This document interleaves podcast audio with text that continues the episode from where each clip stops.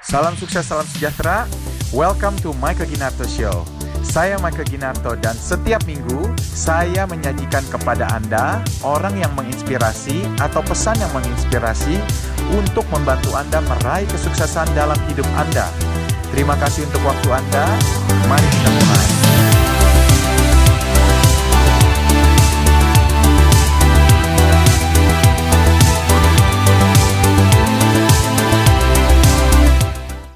Uh, modal uh, 4 juta rupiah bikin the first outlet jualan kebab uh, gara-gara ngeliatin orang tua yang kerja di Timur Tengah pas berkunjung ke sana banyak yang jualan kebab dan akhirnya terinspirasi buat jualan sendiri.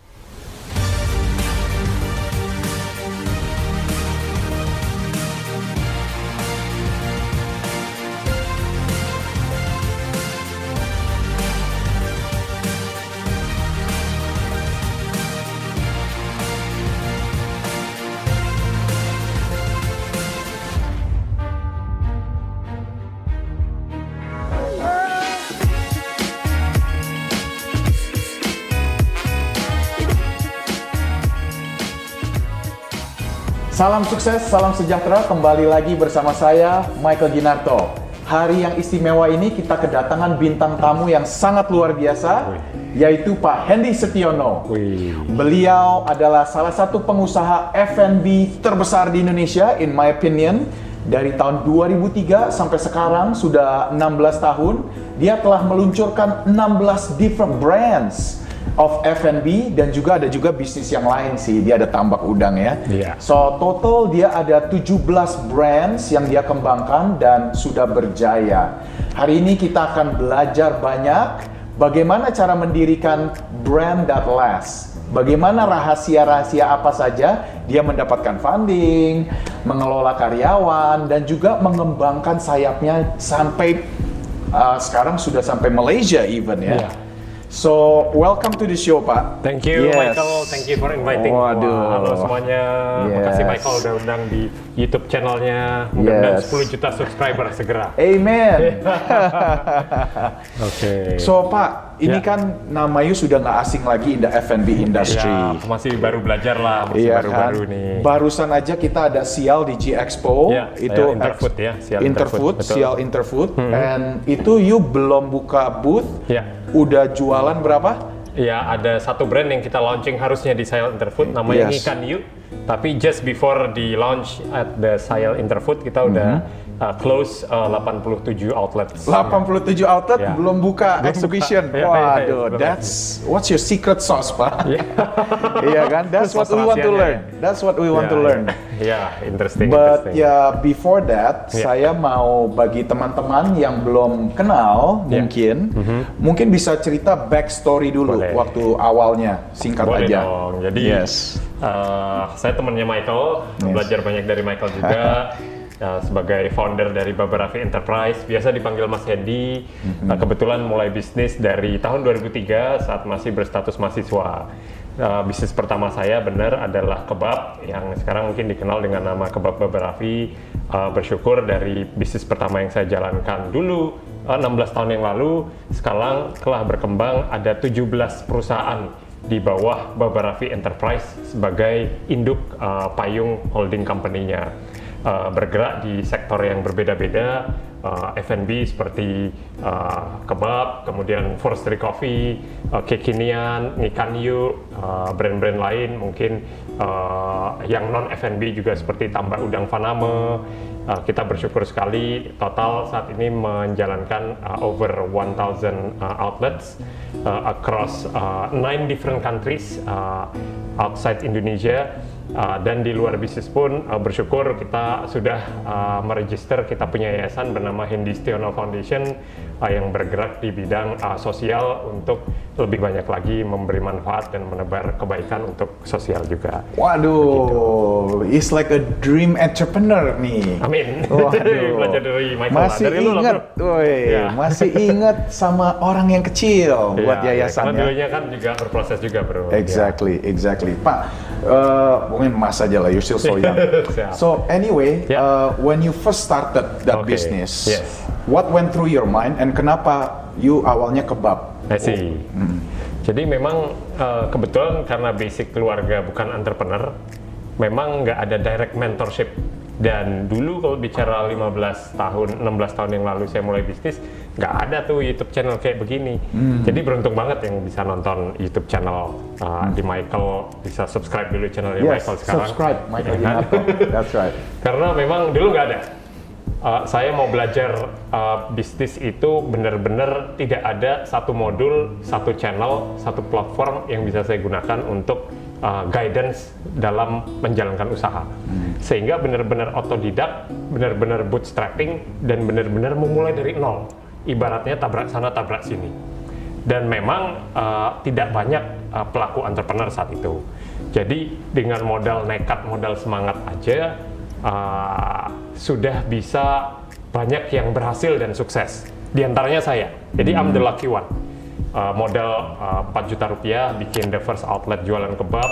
Uh, gara-gara ng- ngeliatin orang tua yang kerja di Timur Tengah pas berkunjung ke sana banyak yang jualan kebab dan akhirnya terinspirasi buat jualan sendiri itu inisial awalnya tapi ya of course Yes. kalau modal beruntung doang nggak mungkin dong bertahan sampai 16 tahun sampai sekarang Exactly, yes. ya ilmu harus terus uh, dicari ya di antaranya seperti nggak cuma formal education ya informal education pun banyak yang saya uh, dalami termasuk sekitar beberapa bulan kemarin uh, mengikuti executive education saya di Harvard Business School khusus untuk mendalami pola berpikir gimana sih cara berpikir unicorn itu bisa sukses besar dan luar biasa itu gimana caranya Wow, you went to Harvard I Business went to School, Harvard, ya? uh, at the same class with Ahmad Zaki, the founder of Bukalapak, Bukalapak, and yeah. other unicorns as well at the same class. Wah, Ya. keren, keren, keren.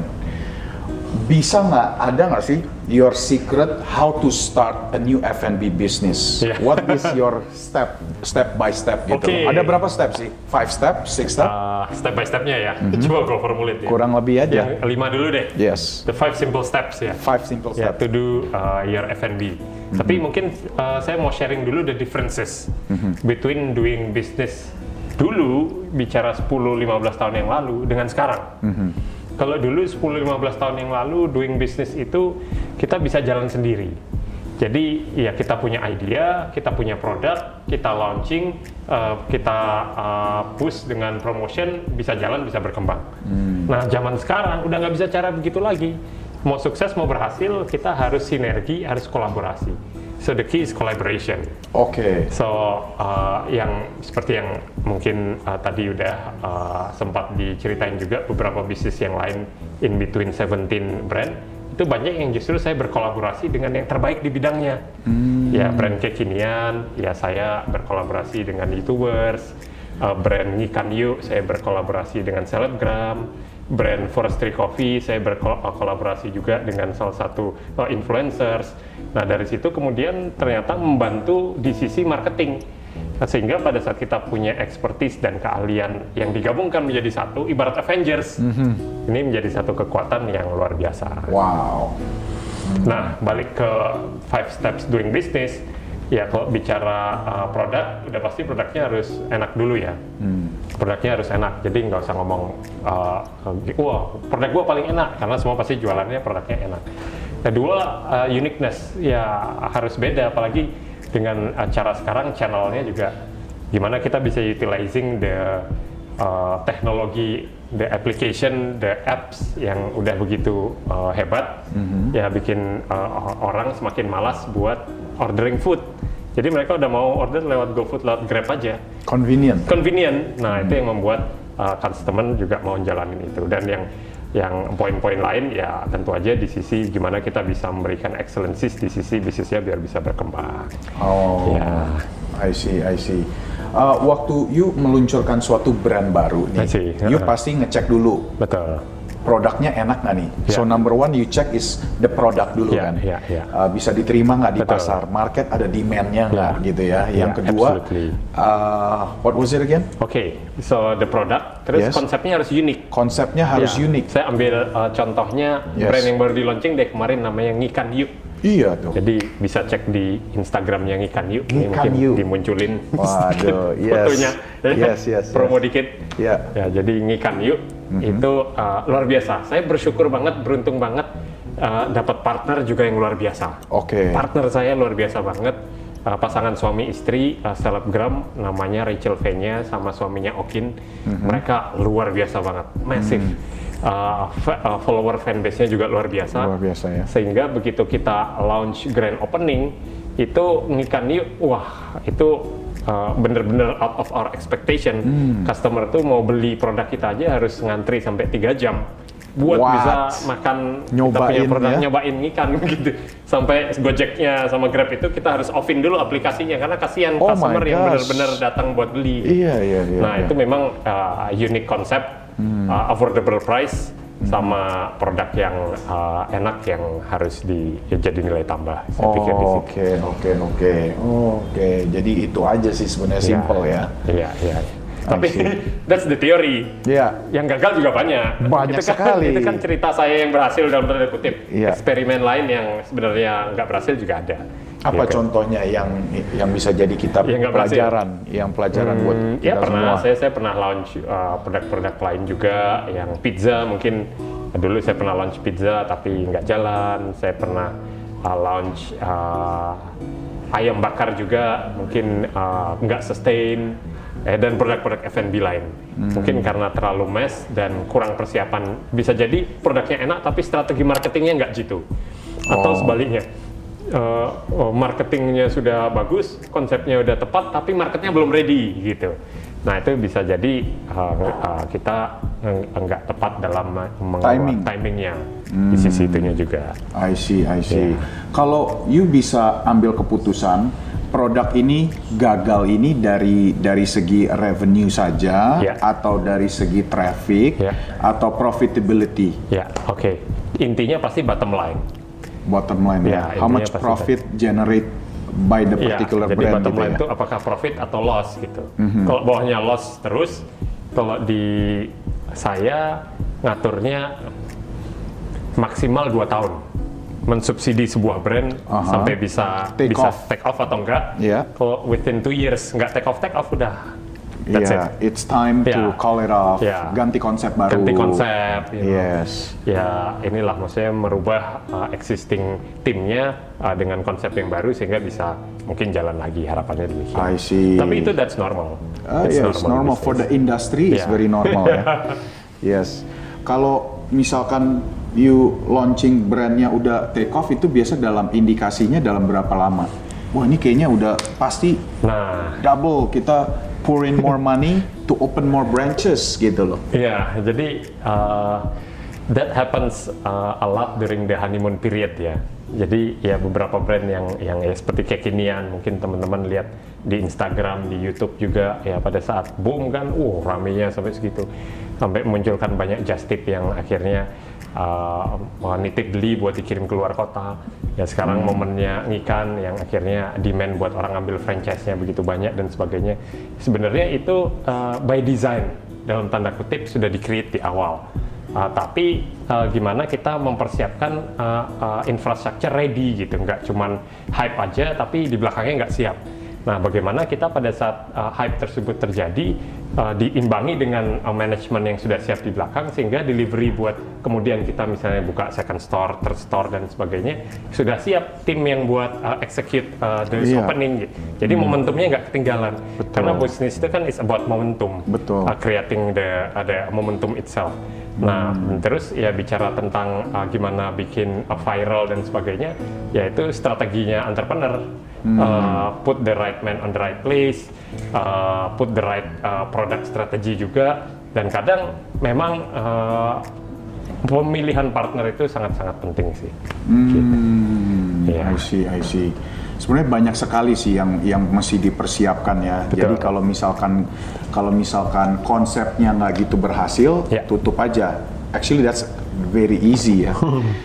Cuman tutup aja sih. Tapi ya maksudnya harus Tapi yang- dicoba di reward juga, jangan langsung nyerah. Iya. Nah banyak pengusaha pemula itu yang yang give up-nya terlalu cepat sebenarnya. Hmm. Aku ngelihatnya mereka give up-nya terlalu cepat, eh, terlalu cepat, padahal masih banyak cara yang bisa dilakuin. Hmm. Paling enggak eh, wait for two years, eh, lakuin banyak ya strategi lah, maksudnya ya marketing, promotion, whatever you can do sampai uh, momentumnya dapat aja.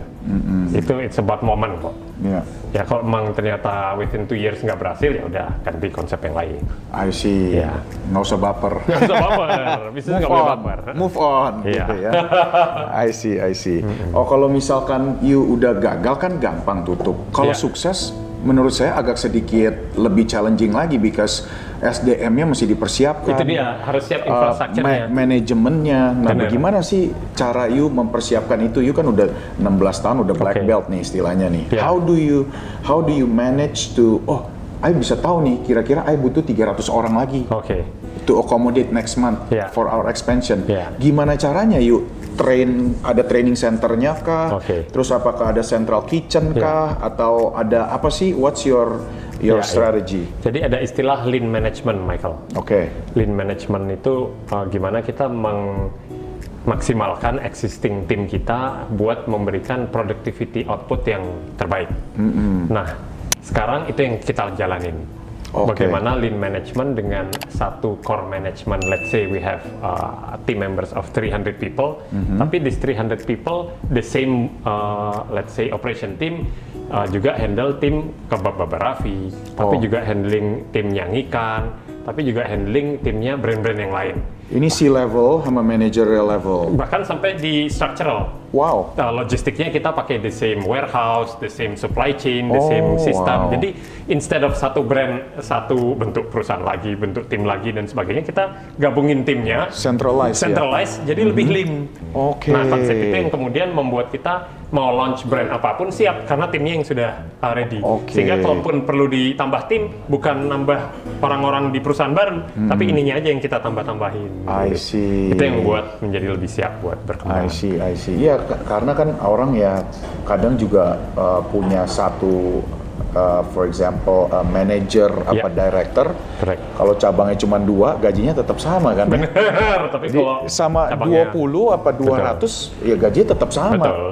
Itu yang you maksud lean yang kan. Ya, benar. might as well get the best people in Ya. the industry. That's true. Handle the project. Correct. So itu lean gitu ya. Benar, lean. Sehingga kalaupun mau nambah uh, i- uh, manajer bukan satu brand, satu manajer, satu brand, satu manajer, Wah, tapi iya. one manager mungkin dia tinggal nambah beberapa tim di bawahnya yang Hmm. bisa mengeksekut uh, dengan konsep uh, yang lebih slim dan efisien. Wow. Kira-kira gitu. That's amazing.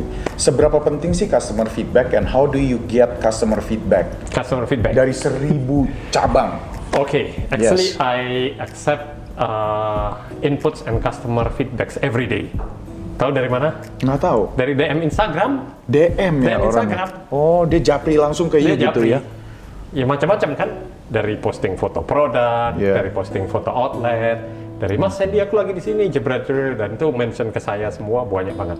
Oh. Nah dari foto-foto tersebut kan saya lihat Oh, kok fo- fotonya begini ya tampilan store-nya? Kok eh, lampunya ada yang mati satu ya dan sebagainya. Nah, Hmm. actual foto yang mungkin tadi diberikan uh, indirectly to me, I forward it to my uh, operation team, to the QC team supaya mereka juga benerin. Ya Wow. beberapa memang juga ada misalnya masukan-masukan yang Hmm. memberi input positif ke kita, ya langsung kita benahi sehingga Hmm. uh, itu sebabnya saya juga cukup aktif di sosial media, di Instagram dan sebagainya. Buat apa? Biar bisa komunikasi secara langsung with You- our customers. Open door policy. Ah, open door policy. Anybody can approach you, so Yes. you get straight from the source. Correct. Jadi Wah, that's very insight yang intelligent. terbaik justru dari sosial media. Yes. Dan kita juga menyampaikan permohonan maaf kalau misalnya uh, ada pelayanan yang uh, Hmm. kurang baik, terlalu lama lah, antri tiga jam dan sebagainya itu. Hmm, Ya pada saat disampaikan saya ya saya secara gentleman uh, menyampaikan maaf dan langsung diperbaiki uh, Hmm. sebagai masukan dari kepada tim.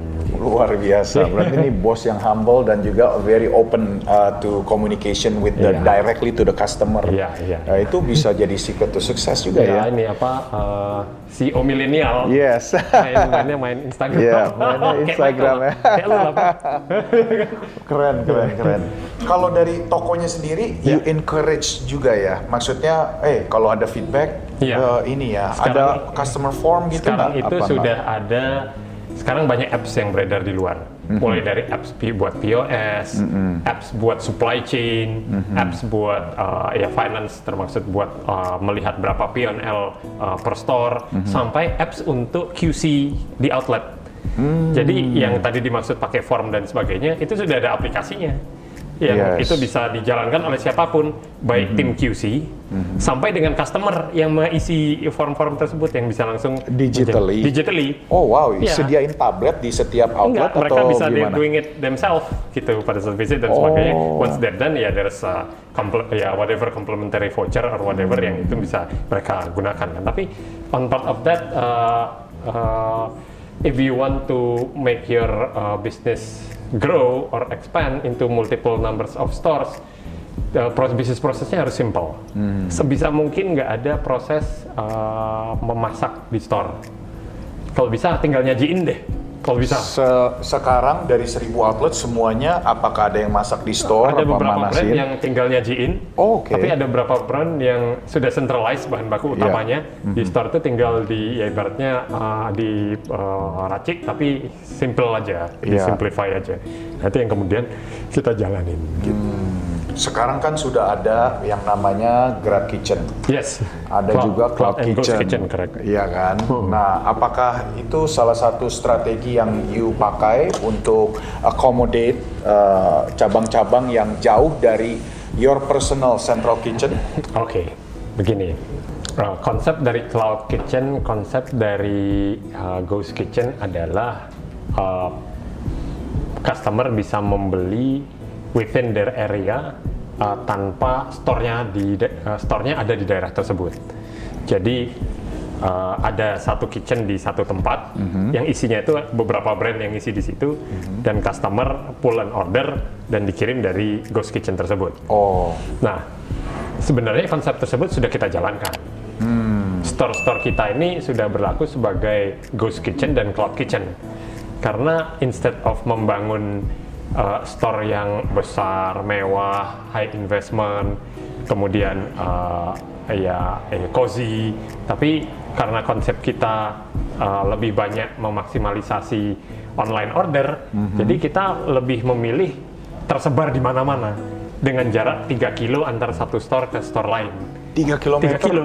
Tujuannya apa? Deket loh. Dekat. Iya. Tujuannya biar orang order di mana pun, mereka bisa langsung nemuin store terdekat. Hmm. Di situ. Jadi kita membuat nyaman si uh, customer uh, dan uh, aplikasi online mereka bisa mengorder di lokasi-lokasi yang terdekat. Nah, sebenarnya konsep uh, Ghost dan Grab Kitchen ini bagus sekali. Kenapa?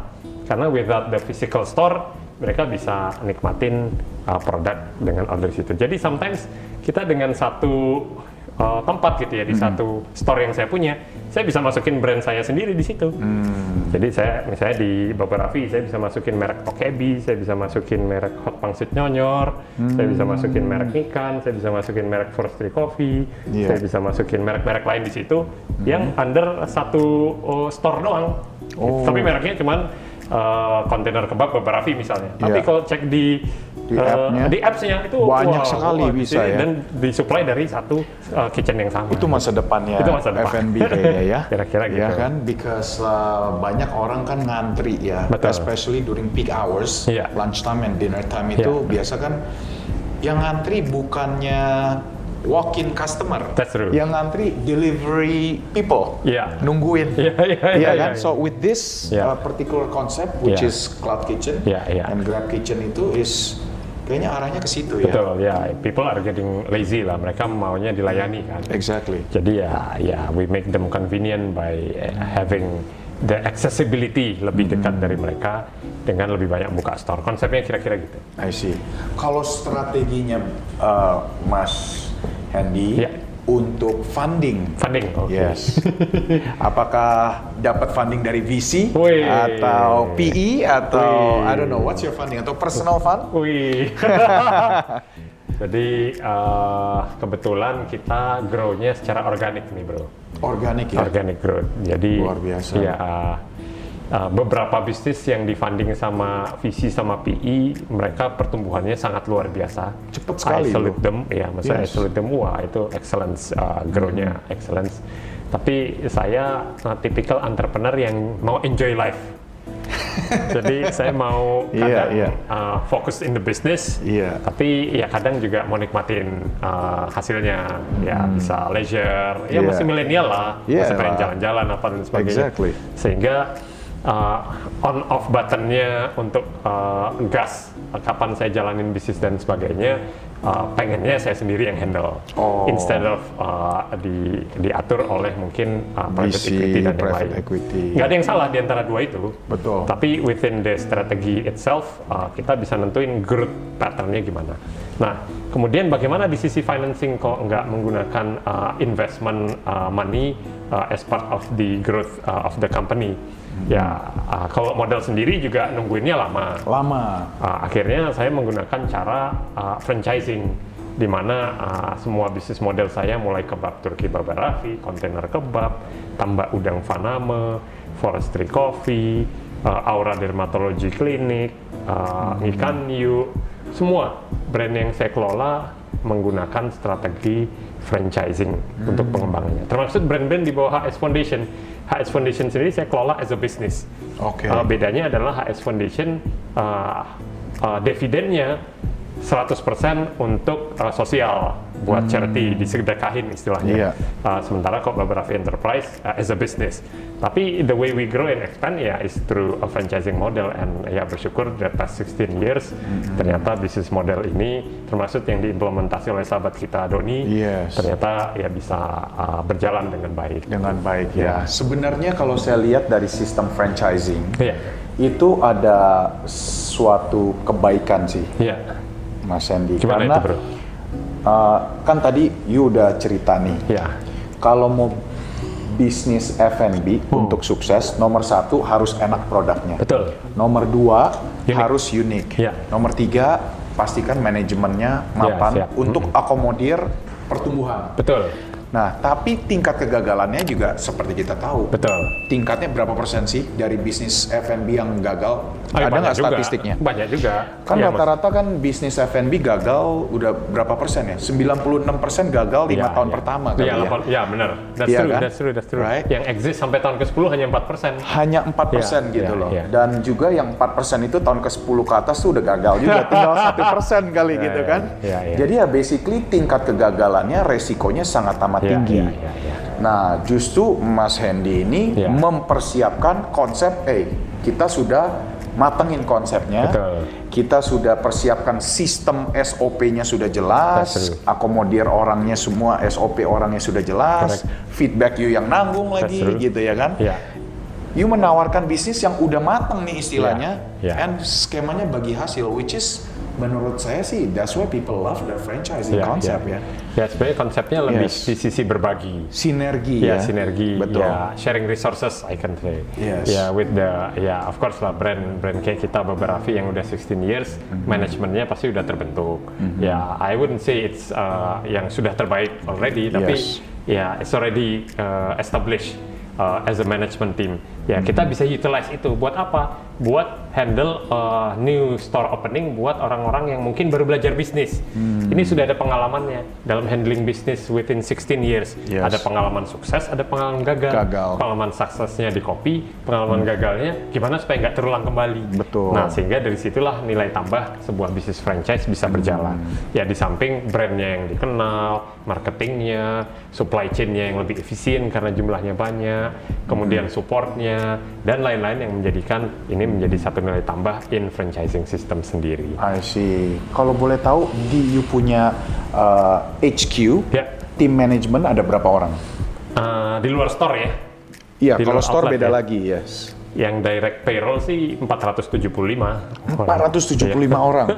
Kalau yang on on the store, on, On the site, store tuh kayak ya statusnya tuh kayak kemitraan kayak driver Gojek gitu. Kalau mereka status kepegawaiannya ya. mhm. Nah, jadi ibaratnya uh, sebagai operator store, wah itu ada 2000 lebih karyawan di situ. 2000 karyawan da- di antara 1000 outlet yang you Iya, punya kan iya, ya, iya, ada iya. sekitar Ya, 2000-an ya. 2000, ha-ha. Jadi 2500 lah kurang Iya, lebih lah. iya, yang bisa Luar biasa banget. Kalau include their families, anak istri ya bisa ya, times two Times 5 5,000. kali ya kan. wow, that's a lot. Ya bersyukur sih bro. Bersyukur ya bisa jadi ya, berkat buat banyak buat orang.